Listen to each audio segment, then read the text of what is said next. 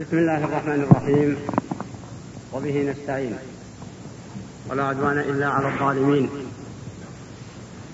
الحمد لله الهادي إلى صراطه المستقيم.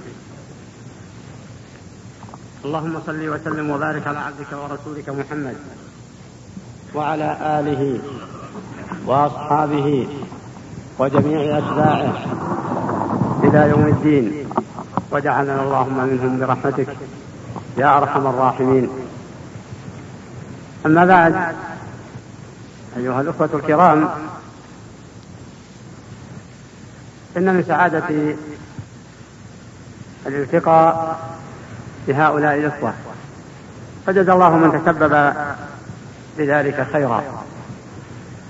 وإن أفضل مما سعدت به السلام على كبار السن وخصوصا فضيلة الشيخ صالح الليل جزاه الله عن الإسلام والمسلمين خيرا. ومتعنا وإياه على طاعته. فختمنا الله له ولمن سمع بحسن الخاتمة. وهذا الموضوع أيها الإخوة الذي اقترح في الحقيقة أنه موضوع عام. وليس لي في الحقيقة مجال في الاختيار. ولكن النزول على رغبة الإخوة. لأن طالب العلم آداب طالب العلم موضوع شائك. سهل صعب هذا من جهة. ومن جهة أخرى لا أدري. أهم يريدون؟ طالب العلم أي الذي أخذ من العلم حظا ونصيبا وافرا؟ هذا ما يحتاج من علمه الأدب. أو أنهم يريدون طالب المبتدئ أو الذي يريد الابتداء بالعلم الذي في أول الدرجات. وعلى كل حال لا يستغني أحد عن الأدب. سواء بلغ من العلم ما بلغ أو كان في أول الدرجة لطلب العلم أو كان متوسط فما أوتيت من العلم إلا قليلا. ويقول الله لنبيه وقل رب زدني علما. الأدب لطالب العلم يشمل الجميع. ولا يستغني أحد عن معرفته ومن عرفه فإنه يزداد تأكدا ورغبة. وإذا الأدب الذي جاءت به شريعتنا على لسان محمد عليه الصلاة والسلام مطلوب من كل مسلم. ورأس وأول كل أدب تأدب تأدب الإنسان مع ربه. بأن يوحده. ويعتقد بأنه لا إله إلا هو والأول والآخر والظاهر والباطن وهو بكل شيء عليم ويعتقد جميع الصفات والأسماء التي أثبتها الله في كتابه وأثبتها رسوله. هذا أعظم أدب. وأن يفرده بالعبادة الفعلية والقولية. فلا يسجد إلا له ولا يدعو إلا له ولا يذبح إلا له ولا ينذر إلا له ولا يشرك به شيئا. هذا أعظم أدب طلب من الإنسان.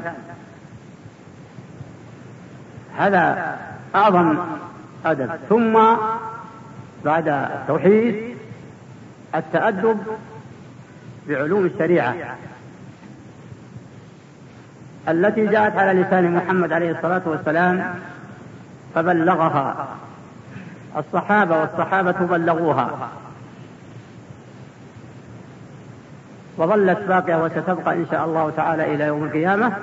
جعلني الله وإياكم ممن له من من له حظ ونصيب منها ومن القيام بها. أما طالب العلم فإن كان الإخوة يريدون بالعنوان المبتدئ فهذا وجيه. فالمبتدئ في طلب العلم بلا شك لا بد له من آداب. وهكذا من وفقه الله وتحصل على جزء من العلوم الشرعية. يحتاج إلى آداب أيضا. الذي تعلم يحتاج إلى أن يسعى في طلب الازدياد. كما سمعنا بالله يقول رب زدني علما وما أوتيتم من العلم إلا قليلا. فمهما بلغ الإنسان مهما بلغ ليس من الأدب أن يقنع أن يقنع بما تحصل عليه. من العلم. ولو بلغ أعلى المستويات الدراسية في وقتنا الآن.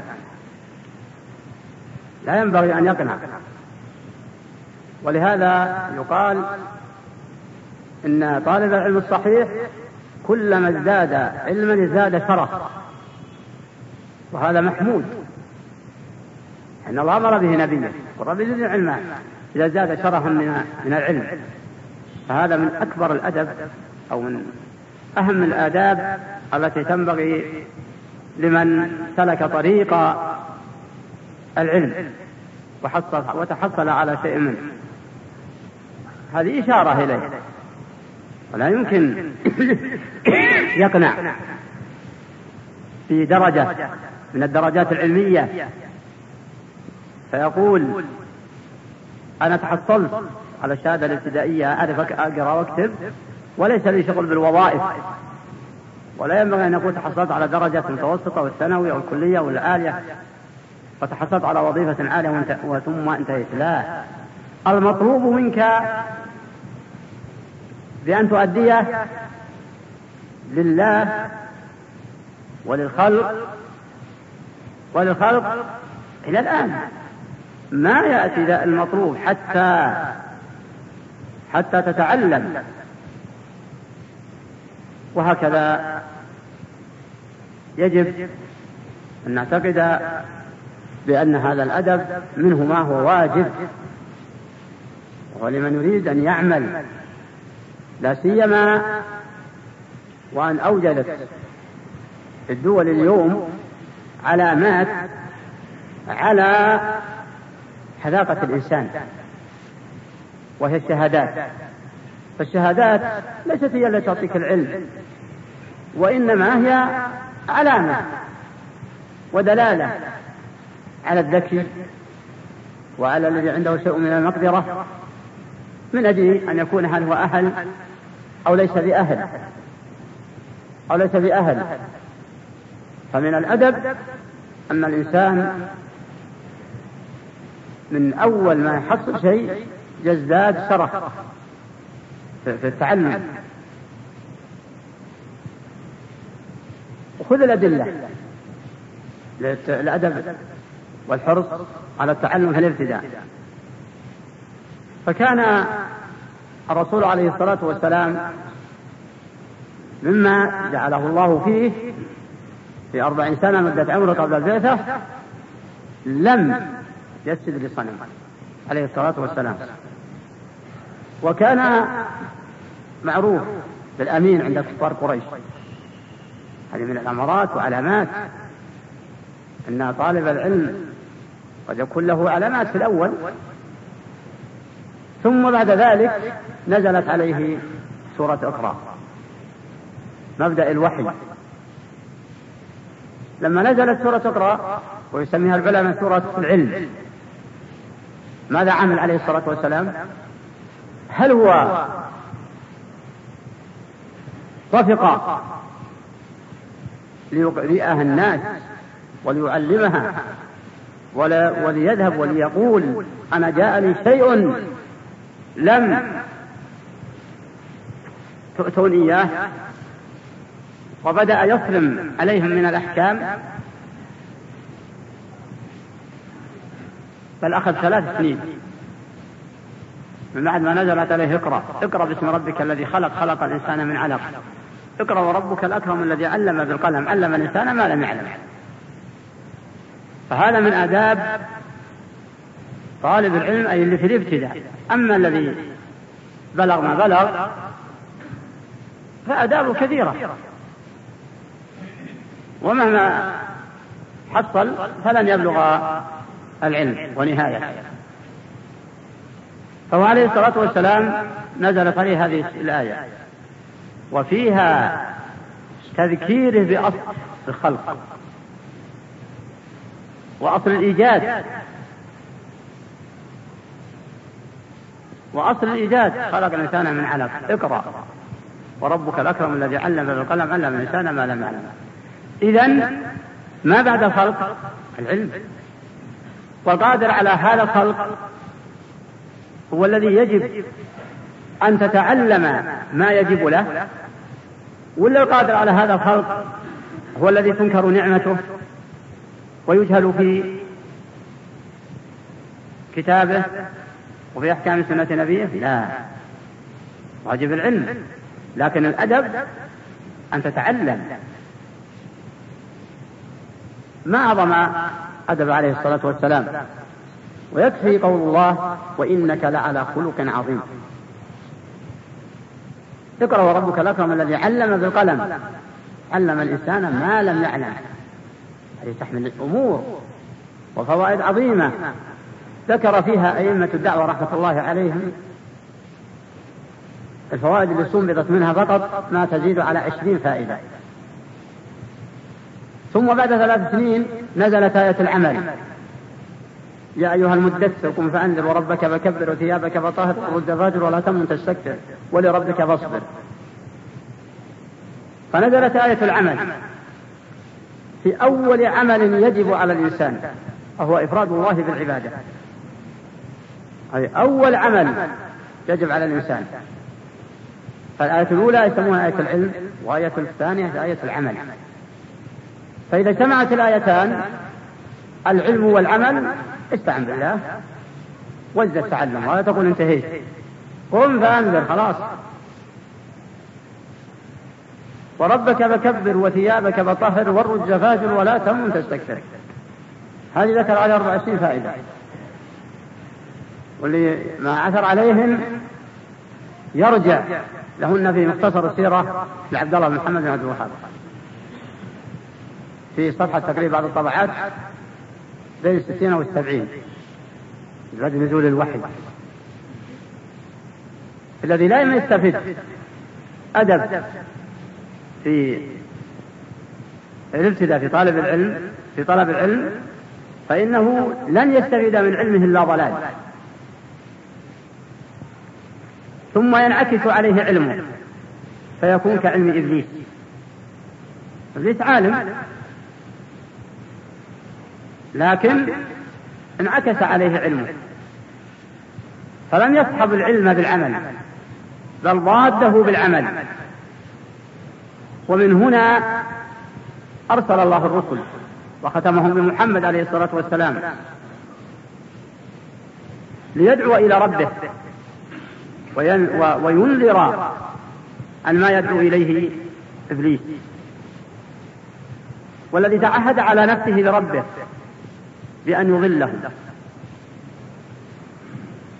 بأن يضلهم.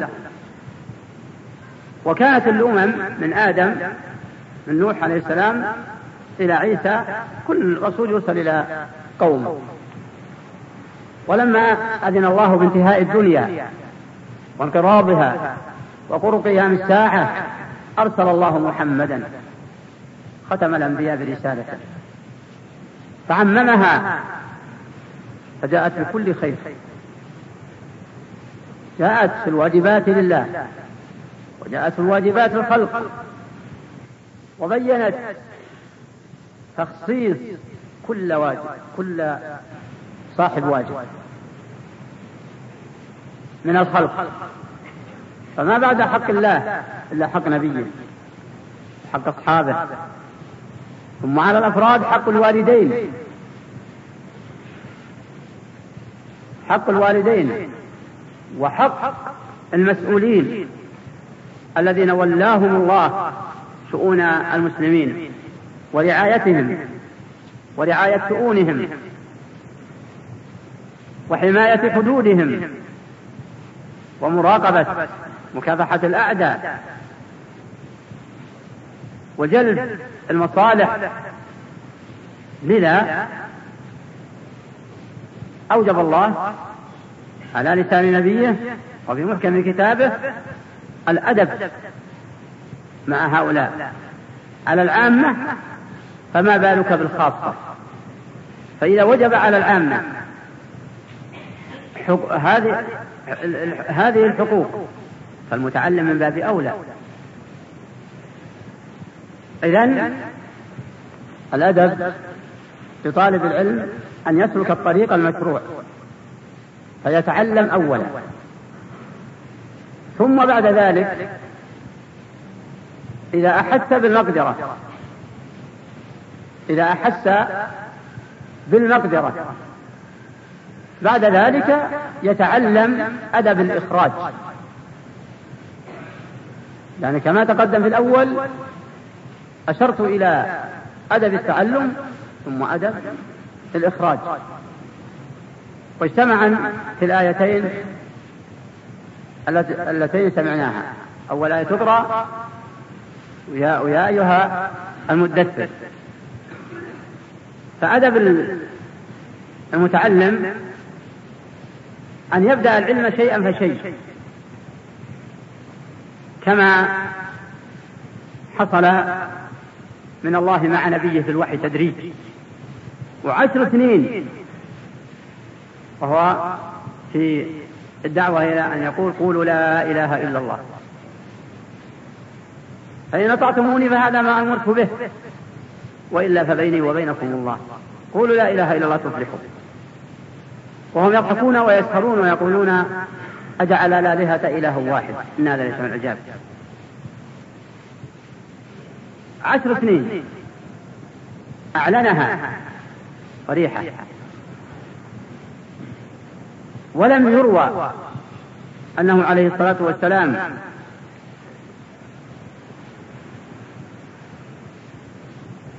جمع لهم لما عصوه وأبوا أن يقولوها. مجموعات سرية ليباغتهم. يعني مأمور يقول لهم صريحة.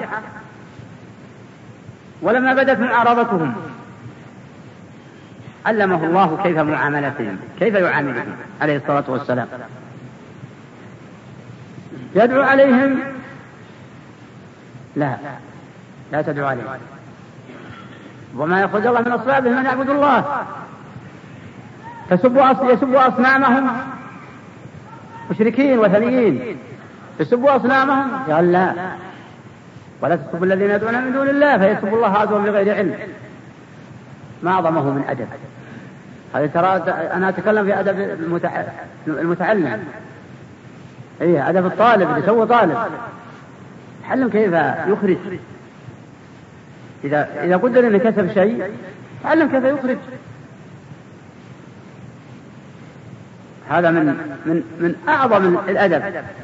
لأنه إذا اكتسب شيء وأراد أن يخرجه ولم ينظر في عواقب عاقبة ذلك أوقعه في غير موقعه فحدث عليه أمر عكسي.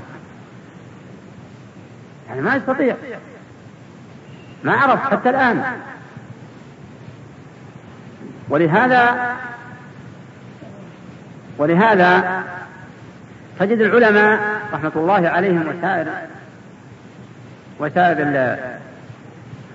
المسلمين هذه الصفات تتبعها نفس على طريقة الرسول عليه الصلاة والسلام. يتعلمون ويبينون على ما يقدرون. على ما يقدرون عليه.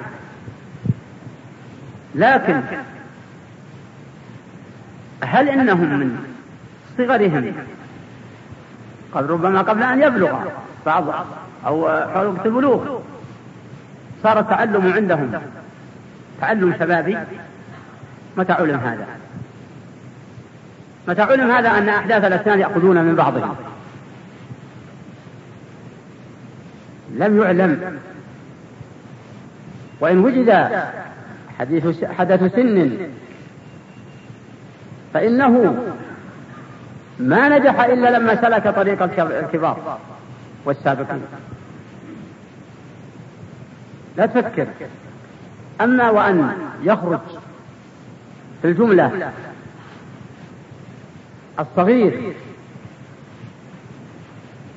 يتحدث عن زميله وعن وجهة موجها لها موجهه لا يعرف من أين أتي بها. ما هي إلا زرع أحقاد وضغائن ضد ما أمر الله به ضد ما أمر الله به في كتابه. وما أمر الله به على لسان نبيه. هذا متى؟ هذا ما سلك الأدب. لا في التعلم ولا في الإخراج ولا في التعليم. لأنه أصلا قد فقد الذخيرة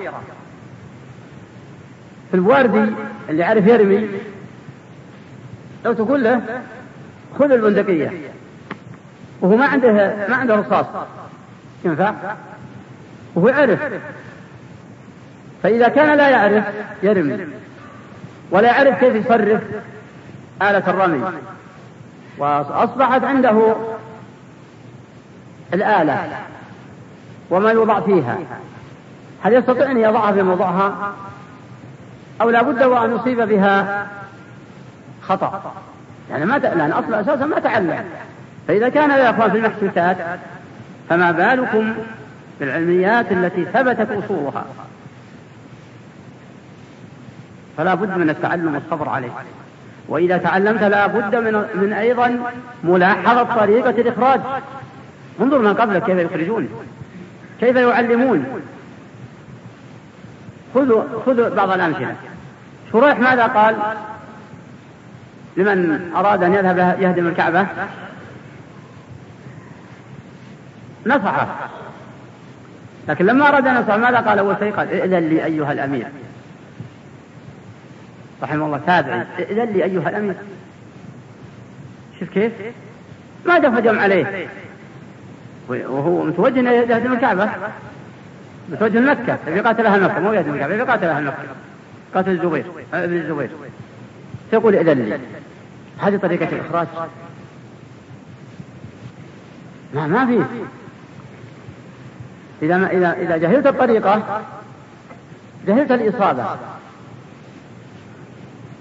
جهلت الإصابة. والإخراج قد يكون على نوعين. نوع تخرج لفرد هذا له له طريقة.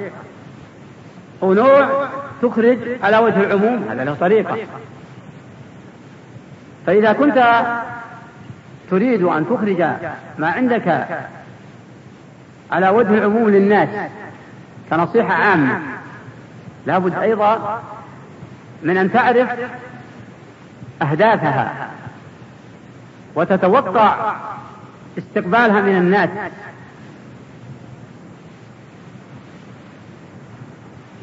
هذه إذا كانت عامة. فإذا عندك في في في الأدب أدب طالب العلم لابد منها لابد يتحرى للشيء هذا. الدرس قبل تعلم آداب العلماء. آداب العلماء. تعال ابن عباس رضي الله عنه وأرضاه كان من صغار الصحابة. وأكثرهم علم من أكثرهم علم. ولما طرح عمر بن الخطاب المسألة على الصحابة رضي الله عن الجميع مسألة المراد من قوله تعالى إذا جاء نصر الله والفتح ورأيت الناس يدخلون في دين الله أفواجا. فسبح بحمد ربك واستغفره إنه كان توابا. الصحابة خاضوا فمنهم من قال الاستغفار ومنهم من قال. المهم ابن عباس عاف المسألة. ولكنه صمت سكت. رضي الله عنه وأرضاه. ما نستفيد من عمر بن عباس أدب في الإخراج؟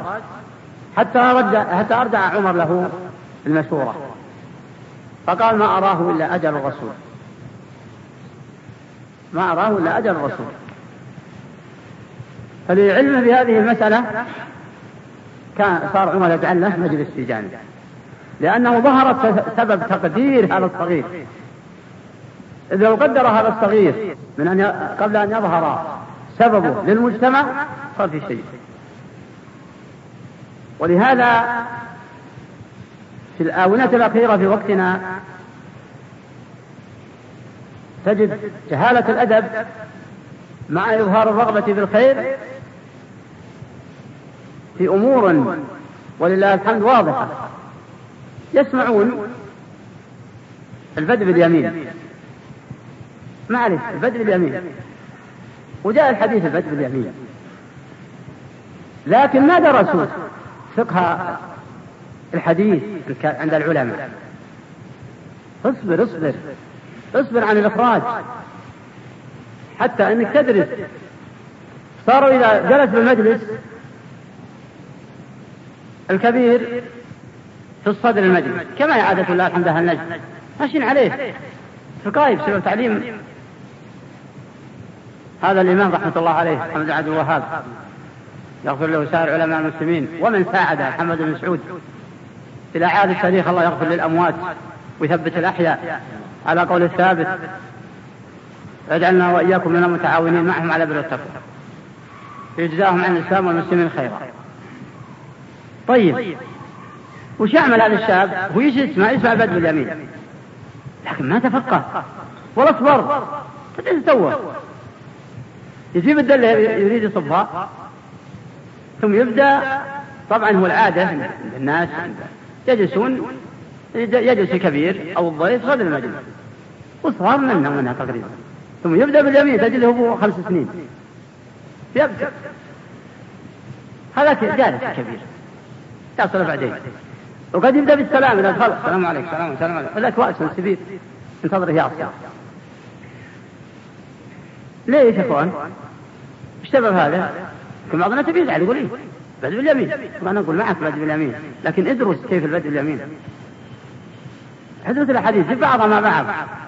الرسول لما قدم له اللبن عليه الصلاة والسلام كانوا وقف المجلس. هم راحوا قدموا له على يمين يسار ولا قدمها للرسول أول ثم أن الرسول أعطاه من على يمينه ثم عاد يتصرف على يمينه. إذا كان صغير ثم أفضل لمن عن يساره كبير هذا مفروغ منه. هذا ضرب مثال لتعلم العلم لطريقة لأدب تعلم العلم وهو ولي, إيش؟ ولطريقة الإخراج. ومن طريقة الإخراج بعض المراقبات في الخير التي ترك بها جانب وترك جوانب. وترك جوانب. تعلمون أن الرسول عليه الصلاة والسلام من ذو أعلن الدعوة حتى القرن الثالث ما خرج واحد عن منهجية التعلم العملي لا من الصحابة ولا التابعين ولا أتباع التابعين وإنما حصل شيء بالأسماء والصفات والقدر. من وقت آخر الصحابة حصل حصل كلمات في في القدر بتحريفه ثم الأسماء والصفات زاد بن درهم والجهم بن صفوان لكن توحيد العبادة ما حصل فيه خلل بالجزيرة إلا في القرن الثامن. في القرن الثامن دخلت الخرافات في الجزيرة. وبقيت حتى ولله الحمد والمنة أيقظ الله هذين الإمامين. محمد عبد الوهاب محمد بن مسعود. في القرن الثاني عشر. رحمة الله عليه. البلدان الأخرى بدأت فيها الخرافات من القرن الرابع. لأن التوحيد يحتاج إلى إلى إلى طريقة وإلى أدب وإلى إخراج. ولهذا أن يكرر لا تفوتني أحب لطالب العلم دائما المبادئ خاصة هي تدريس كتب محمد بن عبد الوهاب. ليس معنى هذا ذنب للعلماء الثانيين لا يفهم أحد غلط. لكن درسها وشوف ما فيها. كل كتاب وسنة أعطني كلمة في كتاب التوحيد.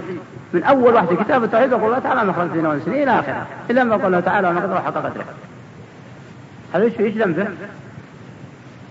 هذا من الأدب من أدب الإخراج وأدب التعلم. ومن آداب طالب العلم سواء كان في التعلم أو كان في التعليم. فإن كان في طريقة التعلم بل ينظر من يأخذ منه. هل الذي ستلمذ عليه موافق للرسول وللسلف الصالح. السلف الصالح ما يكفينا للسلف فقط. السلف الصالح. وموافق لمنهج أئمة الدعوة في هذه الجزيرة. طيب. تعلم منه وخذ. لأن ضامن أن من سلك هذه الطريقة تعلم على منهج أئمة الدعوة أنه سينجح في الإخراج في أدب الإخراج. بإذن الله. لا منهجه منهج الرسول عليه الصلاة والسلام. منهج الصحابة. منهج الصحابة. وإذا حدث على منهج عالم من العلماء فمعناه يا إخوان أنه أخذ نصوص الكتاب والسنة واوضحها وبدل ما كانت مفقودة في المجتمع أثبتها. فله فله بلا شك الفضل بعد الله أن أوضح هذا الطريق. كما فضل الله أنبياء على سائر الخلق لأن نزل عليهم الوحي. وختم وفضل الرسول محمد على سائر الرسل عليه الصلاة والسلام وعليهم. لأنه فضل بعموم الرسالة. فهكذا طالب العلم إذا خط لك خط يوصلك إلى الحقيقة. ألا يكون هذا له فضل عليك بعد الله بعد توفيق الله.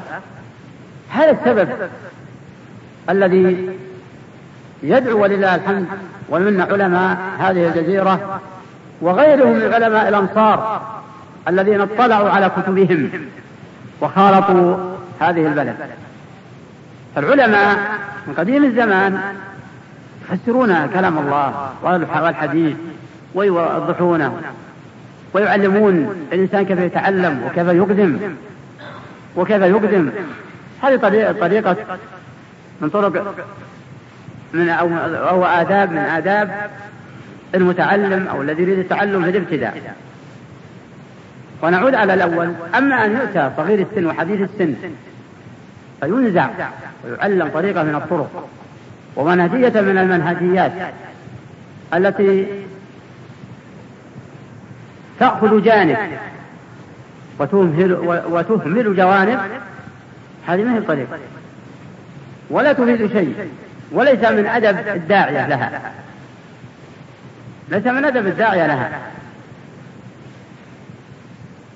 وأشهر ما اغتر به من المنهجيات تقريبا أربع منهجيات. ما كان في الحقيقة يحلم أنها توجد في الجزيرة. ليش؟ يا إخوان لأن ما لها ولله الحمد داعي. ما لها داعي؟ لأن عندنا منهج الرسول عليه الصلاة والسلام الذي يحث على أصول الدين. وإذا جاءت أصول الدين فماذا نريد غيرها؟ فما هي أصول الدين يا أخوان؟ شوفوا مسائل جاهلية نقصها الحمد عبد الوهاب. إخلاص الدين لله. طيب تقدر تقول شيء؟ ولا يقول الحمد عبد الوهاب إخلاص الدين لله. ثاني الأصل الثاني لأن عليه نصوص لكن الوقت ما يستغرق لو كل أصل يحتاج إلى محاضرة كاملة. الأصل الثاني الاجتماع. طيب وين طالب العلم؟ وين الأدب؟ اللي في طلب العلم ومدارسنا الأصول أو الم... أو الم... أو, الم... أو العالم المتعلم لا يدرس الأصول كان للاجتماع نص القرآن والسنة تأمر بالاجتماع. ليش الاجتماع؟ تساءلوا يا إخوان. ينبغي الآن الناس من اول شو يعني على حد التعبير لنكون صرح. قبل تقريبا 20 سنة 30 سنة وهل كلهم على نمط واحد. وإلى الآن ولله الحمد الظاهرة موجودة. لكن جاء يعني دخل بعض الفتحات. فقد يغتر بها من جهل الأدب في التعلم والتعليم. وهذه دائما في كل مجتمع من قديم الزمان. وإذا الأصل الثاني الاجتماع جعله أصل من أصول الدين.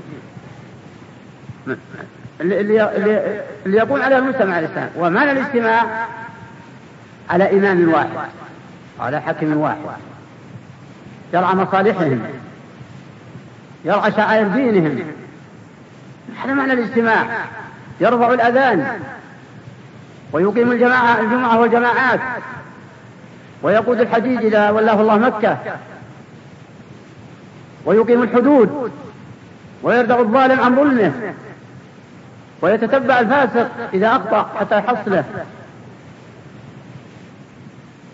هذا هذه أصول الاجتماع. أصول الاجتماع مو ضروري يعطيك دراهم. ولو أصول الاجتماع معناه ما يوجد منكر في الأفراد. ترجع لكلام العلماء؟ من الأدب أن ترجع لكلام العلماء. لا إن أردت تتعلم ولا إن أردت أن تخرج. طيب في دليل؟ واعتصموا بحبل الله جميعا. نص القرآن. ومن تمام الاجتماع السمع والطاعة. إذا ما في سمع ولا طاعة نسأل الله السلامة من أين يكون الاجتماع؟ من أين يكون الاجتماع؟ ومن هنا أذكر مثل سيتداخل الكلام مع آداب العالم وآداب المخرج وآداب المتعلم بعض المنهجيات التي أصبحت تركز على الصغار أحداث الأسنان ماذا نتج من أول ما يرغب في الاجتماع معهم. أول ما يحدث بغض الوالدين. لا يريدهم. ولا أوامرهم. ولا تسمح نفسه يقضي لهم حاجة يجيب لهم خبز. ولا انتهى شهر مع الاجتماع الليل؟ نام حتى الخبز هم اللي يجيبونها له يا أحبائي هذه هذه طريقة دعوة. متى صار هذه الدعوة؟ متى صار يترك أمه وأباه يبكيان ويذهب إلينا الله يغفر لوالدينا ووالديكم المسلمين حكروا الوالدين. ما المسألة ذلك ما تدري وين راح. وإذا جاء شرت عيونه. وين أنت رايح؟ غضب وزعل عليه. هذا الجزاء؟ ولما أعطوا سيارة قام السيح وين يعطون السيارة. ولا أعطوا السيارة راح استعملها. ويا الدعاة. ورجمها برا. جاءت خربانة هذه دعوة. يأتي تالي الليل ومع الأفراش متى يجي متى يأتي؟ وليدي ولا دخل المفاتيح. يبي يفتح الباب سن شروق ضربت بنفستها على بس فوجئ تخشى إن يدي عنها يلعب. حطوا بالكم يا إخوان طلب العلم وأدبه. ما بعد حق الله الا حق الوالدين؟ إلا حق الوالدين. ولا بعد حق الوالدين. إلا حق العلماء عليك وحق الحكام. تزعل ولا ترضى؟ فإن كنت إنك مستسلم لله ولرسوله ومخلص دينك. هذا من الأصول. ولهذا يقول رحمة الله عليه في الأصل الرابع يقول ذكر العلم والعلماء. هذا من الأصل الرابع. فإذا كانت الدعوة التي دعا لها تنسيك العلم والعلماء فما فائدة؟ فما وراء ذلك؟ قولوا لي يا اخوان إحنا إخوة مجتمعين الحكي إحنا نتكلم. مجتمعين نستفيد بعضنا من بعض. هل وراء من نسي العلم والعلماء؟ ونسي الوالدين. ونسي الحكام. وبدل ما كان الكلام في الوالدين سب الوالدين أو الحكام منكر أصبح متلذذ به. اقرأها هذه أصول الأصول التي ينبني عليها الدين. شوفوا المسائل الجاهليه ستة. ذكر العلم والعلماء. لأن لأن الله ذكر بني إسرائيل في عدة آيات. اذكروا نعمتي التي أنعمت عليكم. ما هو ما هي النعمة؟ هي العلم. ففي الأدب ليس بالسهل. وإن أراد اللي وضع العنوان الأدب من حيث الصبر الصبر لا بد منه.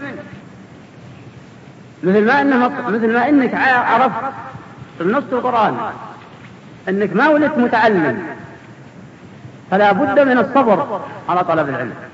والله أخرجكم من بطون أمهاتكم لا تعلمون شيئا. يا ويلهم من الله. أصحاب بعض المنهجيات تأخذ البزر تأخذ الموظف الجاهل اللي تخرج به تسافر له برا عن والديه وعن وظيفته وعن تعاونه مع مجتمعه. هي أخذت من كفر روح بلاد الكفر وأخرج الكفار. نعم كيف؟ لكن بلدان المسلمين؟ المتكاتفين. مع و... مع الوالدين أو موظف مع دائرته ووظيفته ومع رئيسه. أدي واخذه وقول تفرغ العبادة في البر ولا في بلد أخرى.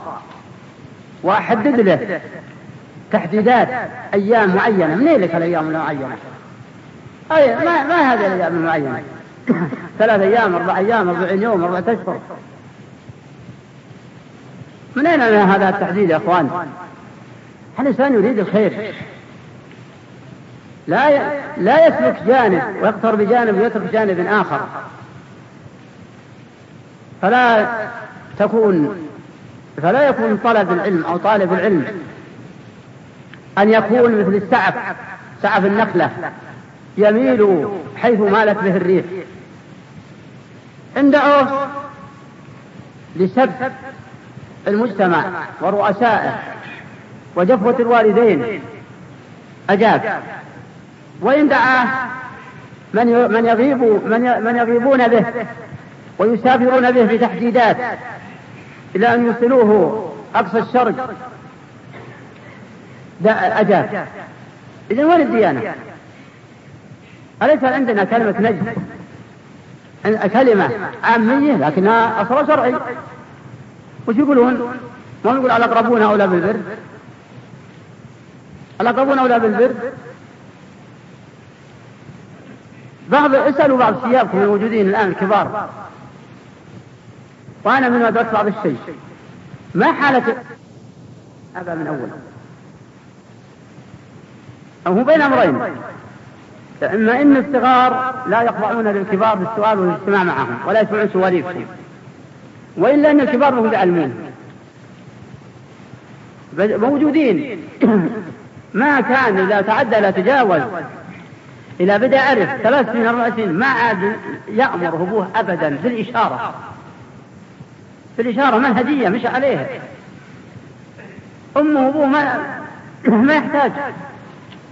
ما بعد حق إلا حقهما. وقضى ربك ألا تعبدوا إلا إياه.